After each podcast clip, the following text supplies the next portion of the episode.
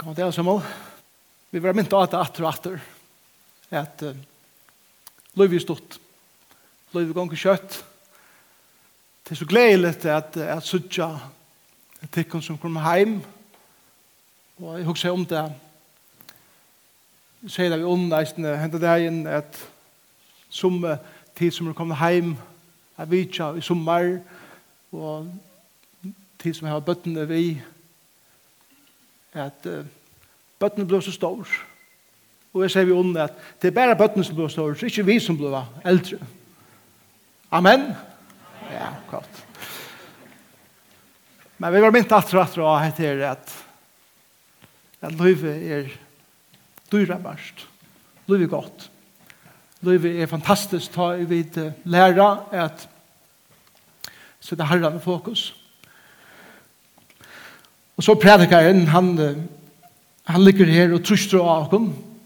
Og til at kanskje det er at det tar han i dåsen, tror jeg at han er innsprænning for hver tal er, er nok så nekv. Men jeg håper at tid her var finnes høvesbåskapen og gjennom. Og til ikke at peik av hvordan meningslest liv er, men at meira peik av hvordan meningsfullt det kan være, da er vi suttja handan solene og alt det som vi gjør under solen gjør mening ta. Vi skiljer ikke meningen av løven ofte. Men allikevel er det et eller annet som minner oss nå. Hver er det kontroll? Til størst. Skal vi be sammen? Jesus, to hever livet uten i hånd. Og jeg takk deg for at du bjøver okken liv og iverflå. Og jeg ber om at du lærer okken som samkommer at åpne okker armer til at takke motor til livene som du bjøver okken. Og i stedet for at røyne, at renne etter okker ekna. Og at røyne at skapa liv og i okker ekna. Og i stedet for at takke motor til som du hever atle okken Hjelp oss å djevast at heka det neste beste og tredje beste. Så vi kan tenke mot til beste fra det her. Hjelp oss at djevast vi er røyne å skapa liv i det neste beste og tredje beste. Ta i du kan djeva oss det beste som er livande vi tar inn liv. Inn i okkara arbeidsplass. Inn i okkara hukkbord om okkara karriere. Inn enn i okkara veremata som vi liva, bei heima vi hus og ærestannar. Og vi ber her om at du skal hjelpe okkom, først og fremst, med sjálvun, er vera at han samme heima som er i ærestannar, er vera ektavur.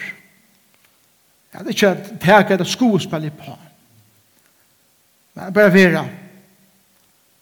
Men mest av ötlum er vera åpen fyrir, er vi myndaver, er vera at han som tog ut henne store karlaka til møyn innskjør med å vera. Og jeg tar ikke for at kjøtt en bok som predikaren som på nekka matar er så svarskikt og ut tog svarskikta nøyer okkon at feste egene og handan solene og å finne og i myskrunnen. Ljøse. A finna i rådenskapen salte jeg streia av. Vi ber her om at at hun det her vilt åpna okkara øyre, og okkara hjørste og okkara vilja at livet etter året og gjerne etter året Prøys og ære over ditt navn, Jesus. Takk for det fullkomne krossdeian. Krossfester for meg. Og takk for det at jeg tog inn deg han omfavner alt som er i her det. Og alt som ville mot motet her og asanna at jeg røyner livet mitt liv for meg sjølvan. Kør meg av jeg borste fra det her og edge okken herre og leie okken til tøyen. Og leie okken fri ved krossen. Er det vært ditt navn. Amen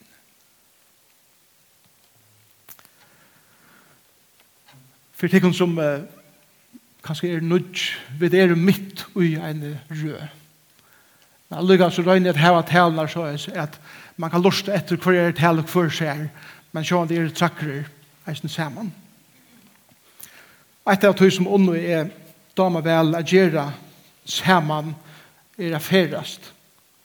Og vi er at her at ta vi ferast så damar okken eisende vel legg for at han som og tinken hon. Det lykka det shopping sånn her som det er ikke helt lykka. Men et av tog som okken dama vel er a genga av museum. Og jeg er ikke slå at rådet er lovar til å si at det er Men jeg kom inn uh, av museum og, og slugstø, søvlestø i Storbyen og, og, og, og i min støvun er noe som er veldig fantastisk.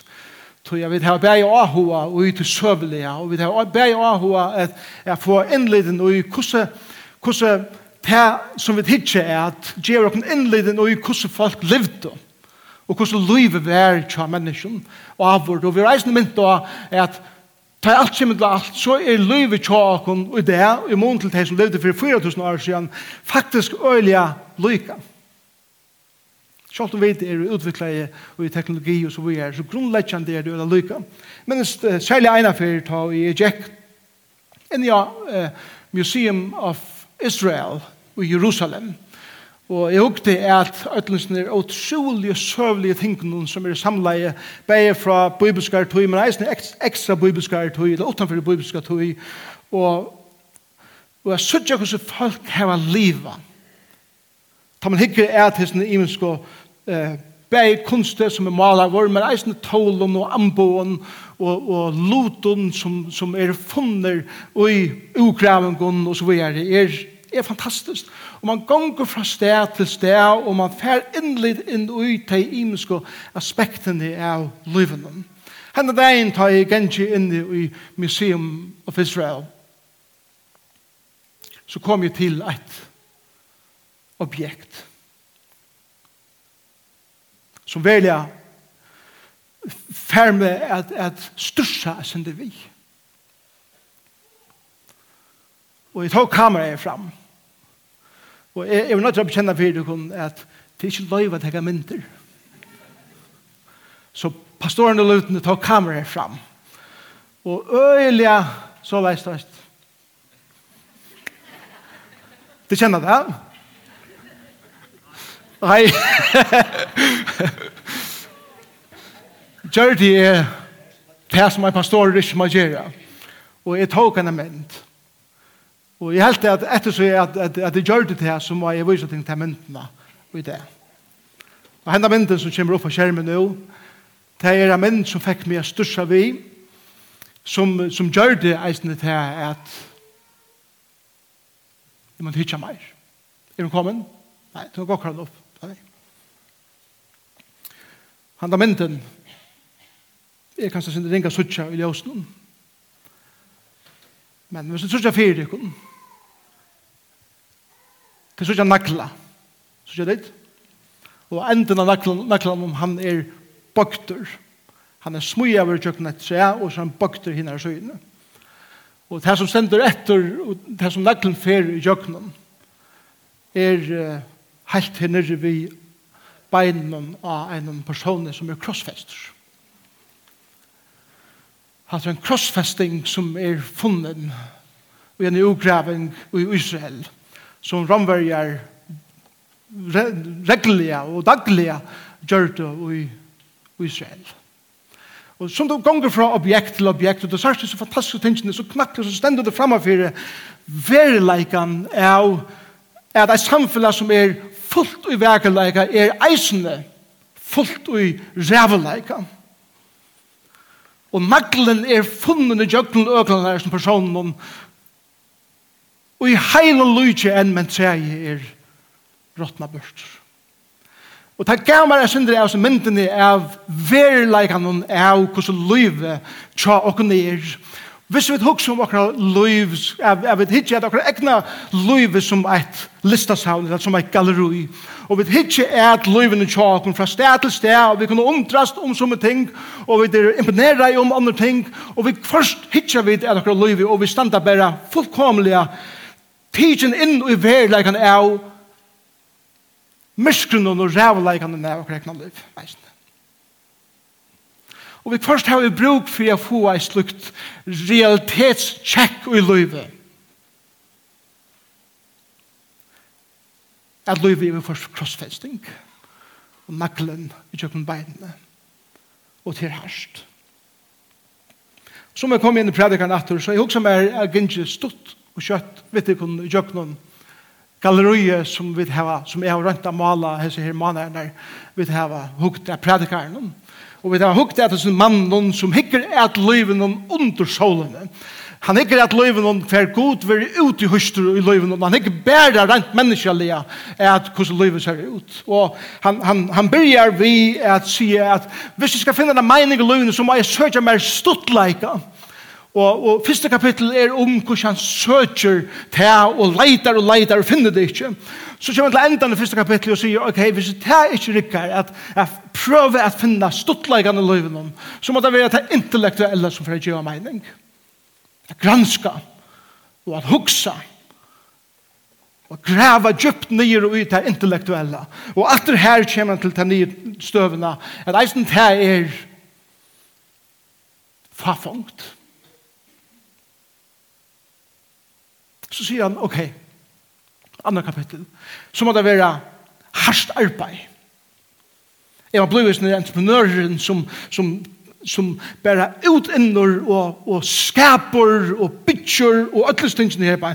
Det var være hardt arbeid som fyrir gjør meg mening i livet. Og at det her spyrir han motvendet, og han fyrir spyrir bænt at du grann. Det er det som han sier, det er det som han mener vi at ettersøkn etter vindet, spyr motvinde, og du fyrst alt atter, bænt av til. Så sier han, kanskje er så blåsnen materialisme. Jeg søker meg rydgjødømme, og han samleie, og han samleie, han ble rydgjøst med i heimen om. Helt ikke fann han det her. Underhalt ble så det neste i kapitel 2, vi ender av kapitel 2, underhalt er for få folk å underhalde meg ved tonleidje og sanje og, og danse og ødelsene her. Hva skal det for å gjøre mer? Farfangt. Vers vær. I tre kapittelet er Salomon etter skuffa jeg offre. Jeg prøver alt og er djupt skuffaver. Og i kapittel 3 og 4 tar seg negg vi kjøkken brosten og dreimanar. Og så tar man hever brostna dreimar og man skuffar om man forhidjar den om seg. Tar kommer inn i kapittel 5 ser han at alt er åratvust i sin heimen. Åratvuse som ei kjennes i sin heimen. At, at de som har makt misbruker de som unga makt heva. At de som har negg misnøyd at de som lyte heva. Han kallar og han råpar ut i måte tog åratvusen. Og Og han sier at sjálfsøkne og rydgjødømme tar alt som til alt skuffar og i løyvene. Hvis du bærer livet livet under sjålen. Kapitel 6 i predikaren er akkurat som maklen. er akkurat som han må sier, ok, hetta er verleisen av er av løvnen som er så stort under solen. Men tog Peter, så hever han allan vegin i jøkken i disse der, haft negra som jeg kallar for luker, som han lukker hever åpna vi kvørst, vi bare ein verset vi kvørst, og nokre favundle er at høyer, er lukker at åpna opp fire handan solene. For at til ljøse kan skynne en synder ui farfangda løyve og myskre som vi liva under her. Og det gjør vi vågen. Derfor eisen henda ui i sånne kapitlen her. La dere lesa satta kapittel saman. For han sier så leis. Vannlokko har vi se under solene, og hon ligger tung av menneskene. Og hva er det til? Ta i god gjever mannen rydgjødømme og gass og heier. Så han fyrir sin part ikke saknar av ødlom og han ikke ser, og god så ikke under honom er kunne njóta av tøy, men annar mever nøyt det. Hette er fafangt og svar plava. Om som er fer hundra bøten og lever mange år og lyser hans er veri lang, men sal hans er veri ikke mette og gåum og han heldur onka gjerra for fær, ta sig å fullbåre foster er lukkeligere enn han. Tui at det kjemur er fafongt, og borsteferd i myskre, og i myskren over navn test dult.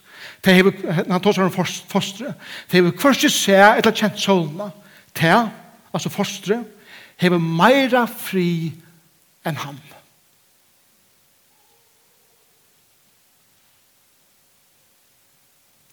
tog jeg det kommer. Om han så levde i tusen år tverferer, men unga lukkes så, for alt som er lei. Alt strev menneska seg for munnen, og tog være svangt hans er aldri metta. Så hva hever en vyse fram om døren? Hva bedre din fataka om han dår at skikkas her i middelen teg i livet? Bedre er suttja vi egen enn frileis troan. Eisne teg er fafangt, og ettersøkna etter vind. Det og jeg er lengst siden nevnt vi navnet, og kjent er fram og undan hva at menneska verer. Det kan ikke sæk søtja han, og sterskare er enn det. Tog i tess flere år og nytt vera, tess større vera fafangten, hva bedre til menneskene. Tog hver veit, hva menneskene er til gangs og i løyvenen, atler tom og løyster hans herre, og han lever som skutje. Og hver sier menneskene hva det fyrir hente under solene ta i ham er deir. Amen. Man har en signa sitt år. Det som jeg også om her beint er det at Salomon byrjar beina vegin at hosa om verleikan av hos Luvisjon er og han sier vannlokku vi se under solene Og det ligger, ligger tungt av menneskene. Og jeg tror at Salomon her ser sjølvans helja og i anleite, og han hikker et sånn egna løyve. Jeg skal vise den kvi i halde til om å løte.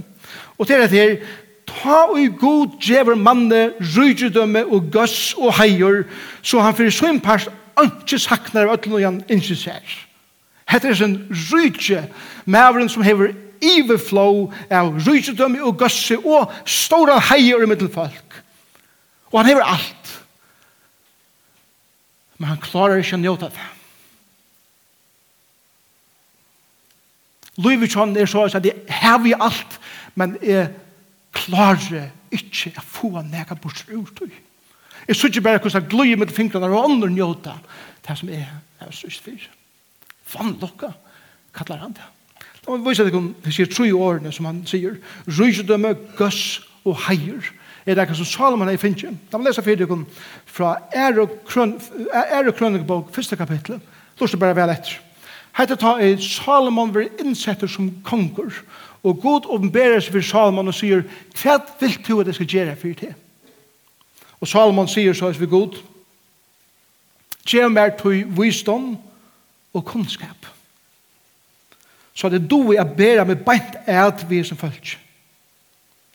Da sier Gud vi igjen, at du fire, at det var hetta ui to, ui boi ter i hjärsta, og at du ikkje bast om rydgjødømme, skatter og heier, etter loiv fyrtjenda tøyna, ei heldur om lengt loiv, nei, du bæ om visdom og kunnskap, så du kan døma folk ut, som jeg har kjørt i konggiver, så er visdommer og kunnskaper givet her. og så er det her. Og jeg skal eisne djeva til rydgjødømme, skatter og heier meir enn nega konger undan her.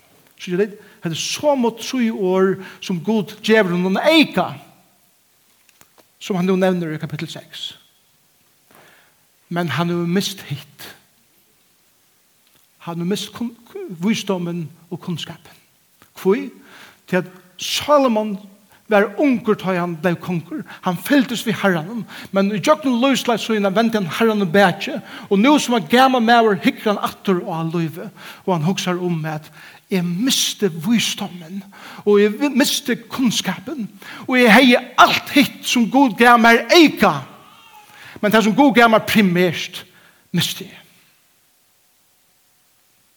Og hvordan sier det er det ikke tja så mange mennesker som vi kan hitje er til det, som Gud hever begava sånn ek for judam dem visdom, og så sikna det jeg træt. Ta det bare henge på eika sikna gammer og missa det primære som Gud og frona det gav. Det er en personer som for egen og fyrir at alt som vi eier kan ikke bruka til det jeg miste som gav ötlen tog som nu eier meining. Legg meg ikke til hvordan han skriver det. Og god er ikke under hånden han gjør det og andre med mer nytt. Så jeg vet, tar vi et liv under solene, så får god alltid skiltene for det ringa som hender oss. Til vi ikke bare under solperspektivet, og god får skiltene for alt det ringa. Men verlig sannleggen er som versen er han, at alt det som god til vi givet der, hever du arbeid av, og tar du av det, så misser du møveleikene og førleikene er gledes om det. Og det kan være så nekk som kommer inn i livet som er legger okkara eh, bæge, okkara rydgjødømme, okkara gøss og okkara heier i livet. Jeg husker om personen som har finnet seg en ser utbyggving. Hvordan han føler det tar han gonger rundt og finner ikke et arbeid som samsvarer i hans her lang og utbygging. Hvordan frustrerer han det ikke det? Jeg er som personen som hever alt i livet med sjuka rækker. Hvordan sier ikke det ikke det? Jeg er også folk som bera heier Og jeg nekker ikke døme. Klanter kommer inn i familien. Rattar mål. Sæk at den er sæk. Og alt det som jeg eier, gjør unga mening langer til at jeg litt sånn struje vi må nærmeste at ikke kan gjøre den jeg. Jeg husker er ikke som tjona kjellan. Jeg husker om alle disse tingene som kommer inn i okra løy, som rena fra okken, til signingene som god innskjer gjev okkur i løyene. Den kjenslan som vi får, tar vi oppleva til tingene i løyene, er den kjenslan som Salomon beskriver for okken, at det er en vannlokka, det føles som en vannlokka i okra løyene, om vi bare hever under solperspektivet. og bæskleisje kan komme inn. Og Salman, han er så, han hekker sin egen liv, og det er det som han gjør her, bare. Altså, han, han, han, han bruker en så ekvislig mynd om de kjenslene som han hever. Er det han for å si, om jeg får så hundra bød, så er det ikke først. Om jeg har et lengt liv, så er det heller ikke først. Om, om, om det skulle være så, at at jeg vil mette av ødlom gåvun, så er det heldre ikke verst. Om man skulle haft denne store gjerra for, så er det heldre ikke verst. Han sier at det er faktisk så mye rævligt at det er foster som begynner å vekse i budsjen som mamma sin. Men det er ikke ser løyve og ljøse. Som omgade fikk et navn som ångade sa dagsens ljus. Og til mammer og til paper som har mist, til kjenner meg sterskere enn jeg kjenner, hvordan den kjenslen er at missa fostre og missa sitt baden. Men Salomon sier, «Ta baden hevda betur». Saman bor vi ta i hitja munnløyve, og vi ödlun som vi heve. Men det som er dyr er bærast, er jeg ikke. Det er kraftig mynd. En avmedelig kraftig mynd som, som man brukar her på hent. Og så sier han i vers 1, Alt strev menneskjans er fyrir munnen, og ta over svongt hans er aldri metta. Og det du gjør, er det svengt det? Ja. Ferdig det til det? Vi er trenger morgen. Hatt til løyve.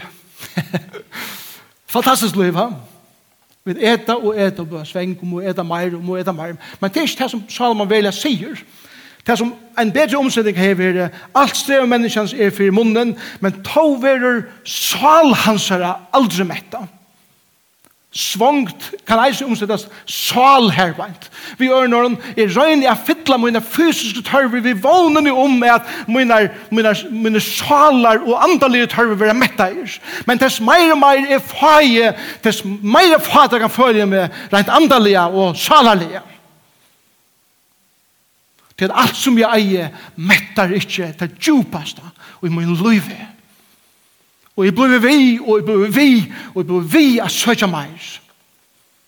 Men jeg blir vi a følge den tomleikan. Og så svungt den da. Og jeg må løyve.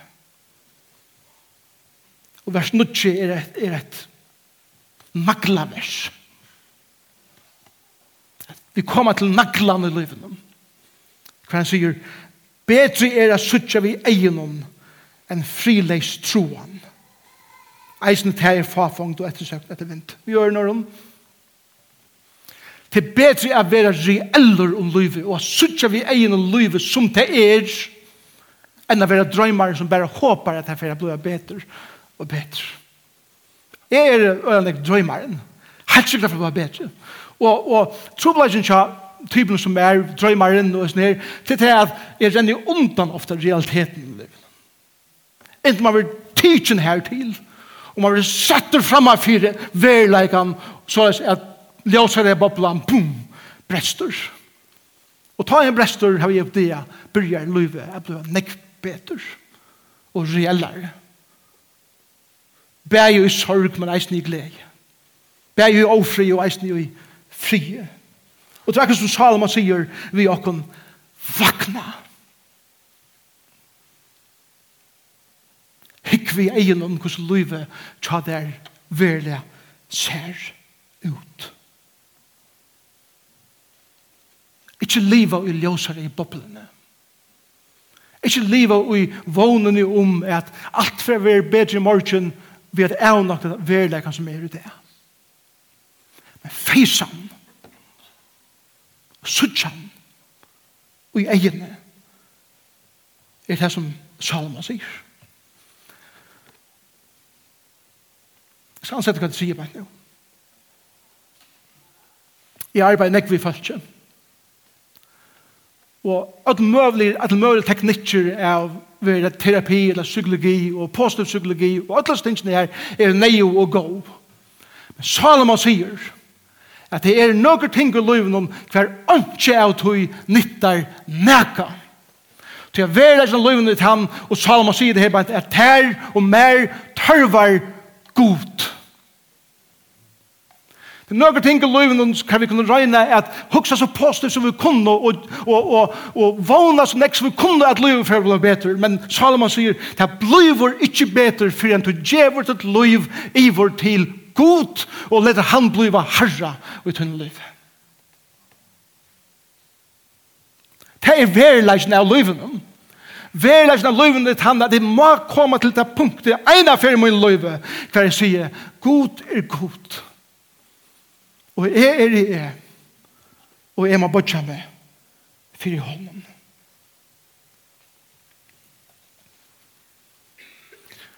Jeg klarer ikke å styre hva hender. Hvor jeg tror at alle ikke har stånden i tones og sola seg.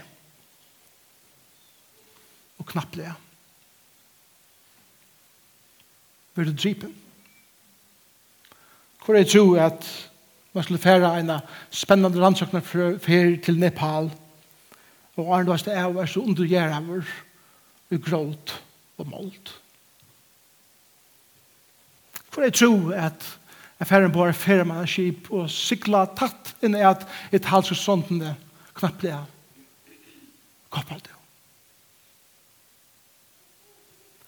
For jeg skulle tro at du forstår en biltur, en vekran det. Og utan at du visste av og leipa baden ut fyrir bilen. Og vann kan hente. Hvor skulle du tro at du sier at hun tjuna for leir farvel som han fyrir til arbeids, morgen til hon fyrir til arbeids og at han sørste fyrir du sa henne eller han. Så jeg vet, vi styrer ikke løyvene.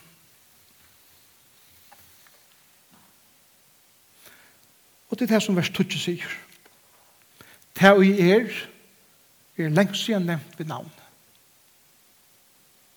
Og er kjent fra man undan. Hva menneska er. Det kan ikke sæksøkje han og er sterskere enn han. Vi lærer tre ting her bænt.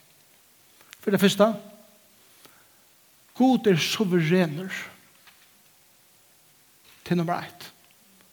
God er all måttur. God ræver ötlun. Og det er jo spurningar som vi sier vi, tar vi tidsje at hendingen som vi sier dagliga og i fjallmiddelen. Er god i kontroll? Og Salomon og skriften lærer oss atter og atter, ja, god er i kontroll.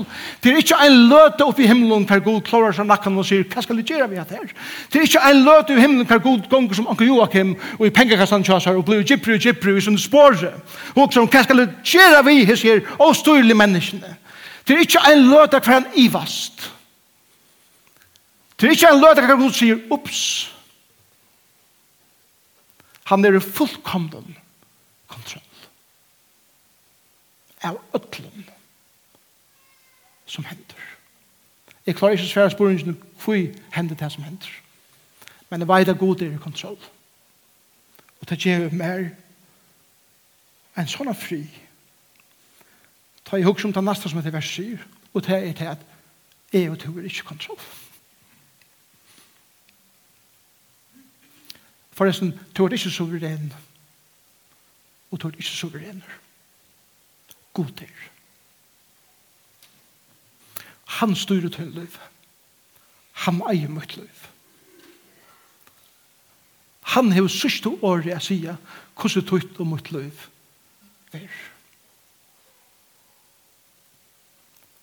Og så sier han for det tredje jeg ser ikke så ikke godt Det som han sier i enden av vers Det kan ikke se så ikke ham og gjør sterskere enn det. Du kan ikke tenke god i ratten. Han får alltid å vinne. Sier han mål. Du kan ikke sette god på plass. Han har alltid sørste år. Det er det som Salomon sier. Han er det hatter. God har nu seg til lukan. God er suverener. Jeg er det ikke. Hvor er jeg ta er for å tretast vi god og sette han på plass? To vers leire. Jeg er leire. God er leire kjera smyren. Leire sier ikke vi mesteren kjera sier, hva er du mynda med så? Hva er du skapt med så? Han bestemmer. La meg lese et år fyrir dukon ur Daniels bok. Hette Nebuchadnezzar, som ikke ville godkjenne at Gud var leire kjera smyren og han var leire. Han ville være harri hos negron løyve, og Gud eimukte mannen. Så leser vi i, i vers 35.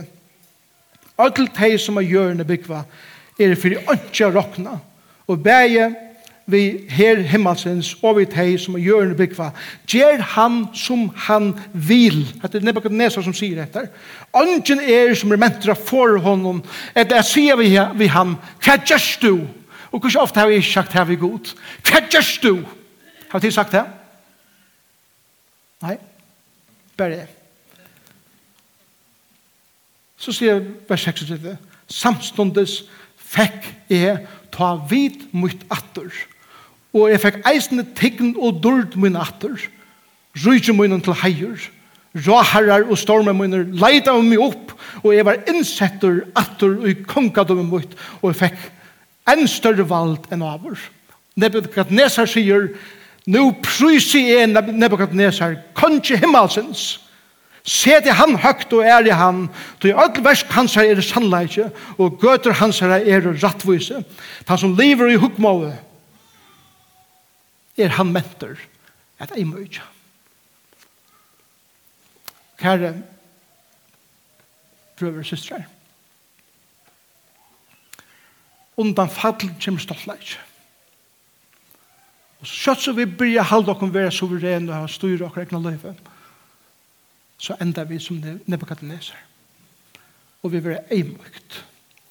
Men ui tøy løtene vi ivergjeva okken, og jotta han som harra og okra løyve, vi er et til tikknuna og dårdina som han er atle okken til. Så vil jeg si, kæra syster,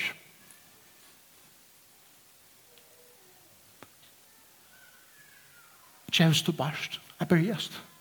Og kære bror, Tjevst er bergjast. Tjevst er bergjast mot god.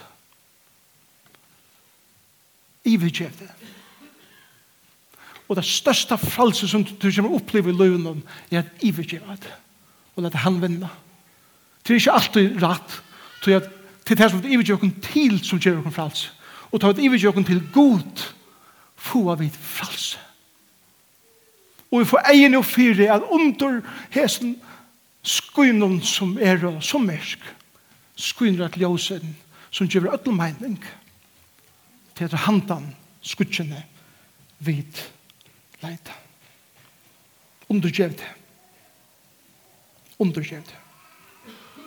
I vers 12, for jeg kommer til endan, så sier han, «Tykk for veit, hva at menneskene er det gangs i løyvenen, at det er tom og løst til hans herren. Hatt det gode spørninger i stedet. Hvor veit hva det er til gagn? Og jeg vil hva sier, jeg veit. Jeg mener, jeg stander i en av kvann som det forteller hvordan du lever det kveldet. Så, veit jeg? Nei. Jeg vet ikke hva jeg sier men postkassen kommer, han vil fyllt og regelig av i junkmail. Og alle disse reklamene som vi får inn i postkassen, sier, jeg veit hva du har brukt for det. Jeg vet hva du skal kjøpe. Jeg vet hva for å gjøre til glede, og så tenker jeg sjåarpe. Sjåarpe var et eisende hva det mer til gangs. Alle vet hva det mer til gangs, tror jeg at de vet hva for å gjøre løven og mening. Og Salomon spyr, er det junk mail? Er det hva det andre halda om det? Er det selv det som to helder er best for det? Etla djevet til de under honom som er suverener. Og fast han har nødja mening og i liv. Jim Elliot, troboaren som får at henne herren i Ecuador og som mister sitt liv som en unge maver. Han sier så leis. Han er ikke en dare som mister det han ikke kan heva for jeg vinner det som han ikke kan missa. Du er ikke en dare Hvis du blir livet av livet så, er det at du blir av djevet her, som du vet, at du ikke først vi. Vi tror for jeg er at vinna det, som du vet, det er det. Måtte det avvirka til hver arbeidsplass. Måtte det avvirka okkara karriere. Måtte det avvirka maten som vi huksa livet på hele tiden. Hva er det mer til gangs? Hva er det avvirt? Hva er det for gonger? Hva er ikke først rydde gods. Og hans er rydde. La det komme først, Så kommer alt hit. Grunnleggjande. Automatisk. Men det er ikke troanen. Men Guds rydde var troanen. Hva er det her til gangs? God veit. søk ham. Spyr ham. Hva er det her til gangs? Og den neste spørningen som han sier, eller spyr, er, vi enda noen, Og hver sier menneskene hva vi får at henta under solene? Vet du hva hva for henta morgen? Ja, vi kunne ikke vekke noen og si, ok, det er sol, ikke havn, men alle er sånn her. Og så var jeg igjen.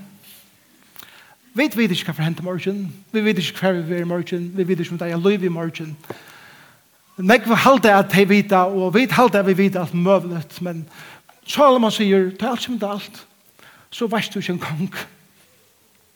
Hver veist du mørk? Hvor veit?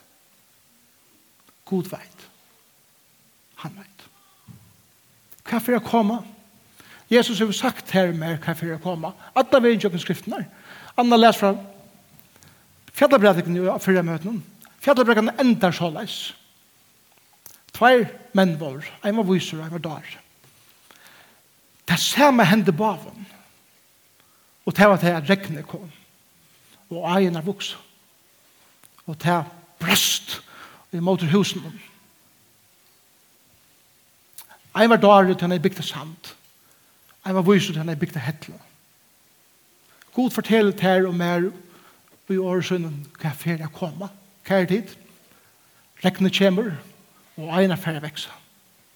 Målgång færre koma i livnum. Ting færre koma upp i livnum som vi må hitja, og kan vi være testa i om vi, vera, om vi bytja samt, eller om vi bytja hetla. Kan vi være testa i om vi heva et perspektiv under solene, eller om vi lærer hitja handan solene. Så, som i endte, prøv i det og geng en tur og gjør den tøyt listesavn ditt livs galleri. Hikk er det ødelen til man vøker og tinker noen, loten noen i tynne tøyneløyve, men stekka vi naklan. Ikke leipa for forbi naklan. Og hikk er det noen. Og kanskje høyre røttene vakna.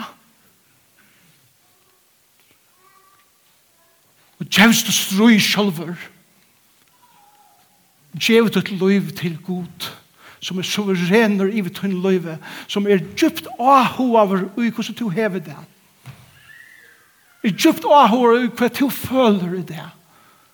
Men som er djupt og aller fremst avhover at du kommer inn i et samfunnet vi han vi ser. Om du er til det at du ikke kjenner Jesus, så livet til livet bærer vi perspektiven under solen og ikke gjør mening. Jo, vi først anker lytlar endingar og her der, det stuttlar en tøy, men så dør til, og du leider til det nasta.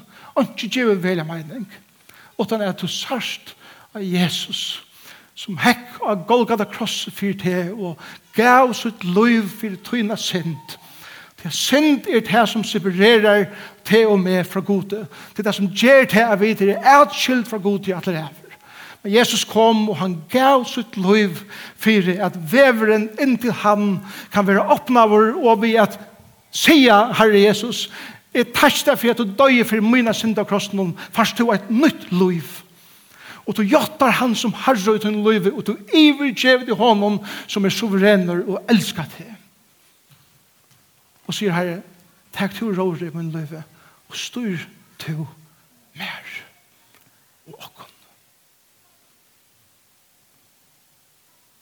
Vil du gjøre det i det? Vil du det ditt liv til Jesus i det? Du som har kommet inn, og du veist innast inn, har jeg omgått i bakt mine knø for Jesus. Du veist innast inn, at jeg kanskje gynger i åra vois, og jeg skiller rent intellektuelt det som gonger fyrir seg, men jeg veit at eneste her inne i min hjärsta har vi ikke givet meg, og ivrig givet meg. Vil du ikke gjøre det det? Vil du ikke fære ut henne for en du har gjørst det ut henne liv? Kære syster og kære bror som, som, som bergist imot det gode. Det er en god berdeg som det bergist. Men la meg si, vet du, god fære vinnan. Og jeg blir det være så som tunn liv som det være til Jakob er god breit hoftene sjån som gjør det han måtte halta alt sitt liv. Og det mest innelige og innelige Guds kvinna og Guds mæver er det som halta. Er det som er åpen og naglene i sin liv er det som har brostet ljósere i boblina og suttja livet som det er. Til at har vi suttja livet som det er, og vi gjer oss livet som ljósere i boblina ta suttja vi eisen for første for akkurat tørv, og Jesus som akkurat frelsere. Ikke bare som han er på lett til himmels, men som akkurat frelsere og akkurat daglige deg, og i øtlån livsens videskiften og avgjøren, har vi bruk for Jesus som akkurat frelsere. Kvann det er. Og ta blod han til en herre og min herre. Vil du gjøre det i det? Vil du gjøre ditt liv? Vil du ivergjeva ditt liv av nudjum til Jesus i det. Eisen to kære maver som er fyllt ved Jesus i nekva år og kære kvinna som kjenner Jesus vidt henne hjertet innerlig. Vil du av nudjum korsen sige i det Fyrste sundag i juli måned, beint at han nå Independence Day i Amerika, fyrste sundagen at han nå valgte jeg å sette nødjan være i min løyve, for jeg er nødjan tårer at flagga at det fylgjer Jesus gjetter. Det er sånn ek flagga i hessen døven, vi sånn ek vinn i. Lær dere reise okkara flagg. Mot personlige hjertens flagg. Og elska Jesus. Jesus bjøv hånd av å være herre og min liv og styre. For jeg er det så leis at småskerne kan komme opp. Kanskje er det typen som helst ikke vil komme fram. For jeg ber det bare om å stegge etter for folk fra sted og, og sitte etter stålen og hukse om det som Herren sier til det så leida fram til det som er forbundet i det, og så vil jeg litt hendene av det signet. Kunne forbundet komme fram med eisene. Og om det er som ikke gjør oss et liv til Jesus, og du ikke viser ødlom at du ikke gjør et liv til Jesus i det. At genga fram og viser allment at det smeges ikke vi Jesus. Det smeges ikke vi han som styre min liv. Og om dronker anker her i dag som ønsker at nødtjøn vil si at jeg, vil vise at, at jeg skal fylses ved Jesus som er nødtjøn verre i min liv. Det er fantastisk å høre til hva jeg vittnesbord her og til hva jeg søver. Herre, takk for det. Jeg tar i predikeren, tar seg om til myrskap det er jo i myskene ljøse germon. Og jeg blir herre om at lukan som åpnes i himmelen, som lyser ned og i farfangt av løyve under solene, skal lyse opp. Kanskje sier dere med over her det herre som, som hukser om hvordan han kan bruke sin karriere, bare meningsfullt for Guds rydtje. Jeg tror det er vel bare lett hånden av hjertet. Akkurat hvordan. Jeg vet ikke. Men du vil, vil du åpenbære hånden det. Eller kvinne som, som i sine karriere, i sine liv, hoksar, hvordan kan jeg bliva meira enn rujtjusens kvinna? Her vil du vise henne det her i det. Konkret bygger du om, her at du vil åpenbære det for henne, og vise henne akkurat, og åpna nær herre, som hon kan sa, ikke har det tåret trusht da. Herre Jesus, jeg, Jeg ber deg om at onker skal genge iver om fra deg til løyf. Og det. Fra mørkene som de fengar jo inn i ljøse. Hva er det kanskje først og først sutja Jesus deian og opprystnan for deg.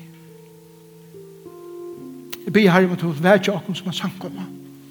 Og jeg som døvun kan vi ha bruk for å standa saman. At du vil gjør akkur til folk som vil jeg gjøre gemon. Elskar Jesus. Vi er så trøytter av å røyne alt annet. Prøv hattar, prøv hit, og alle tøyene komme til en dag en enda. Herre, takk til åkken. Alt somul som er inne her i det, og alt somul som hører til samkommende.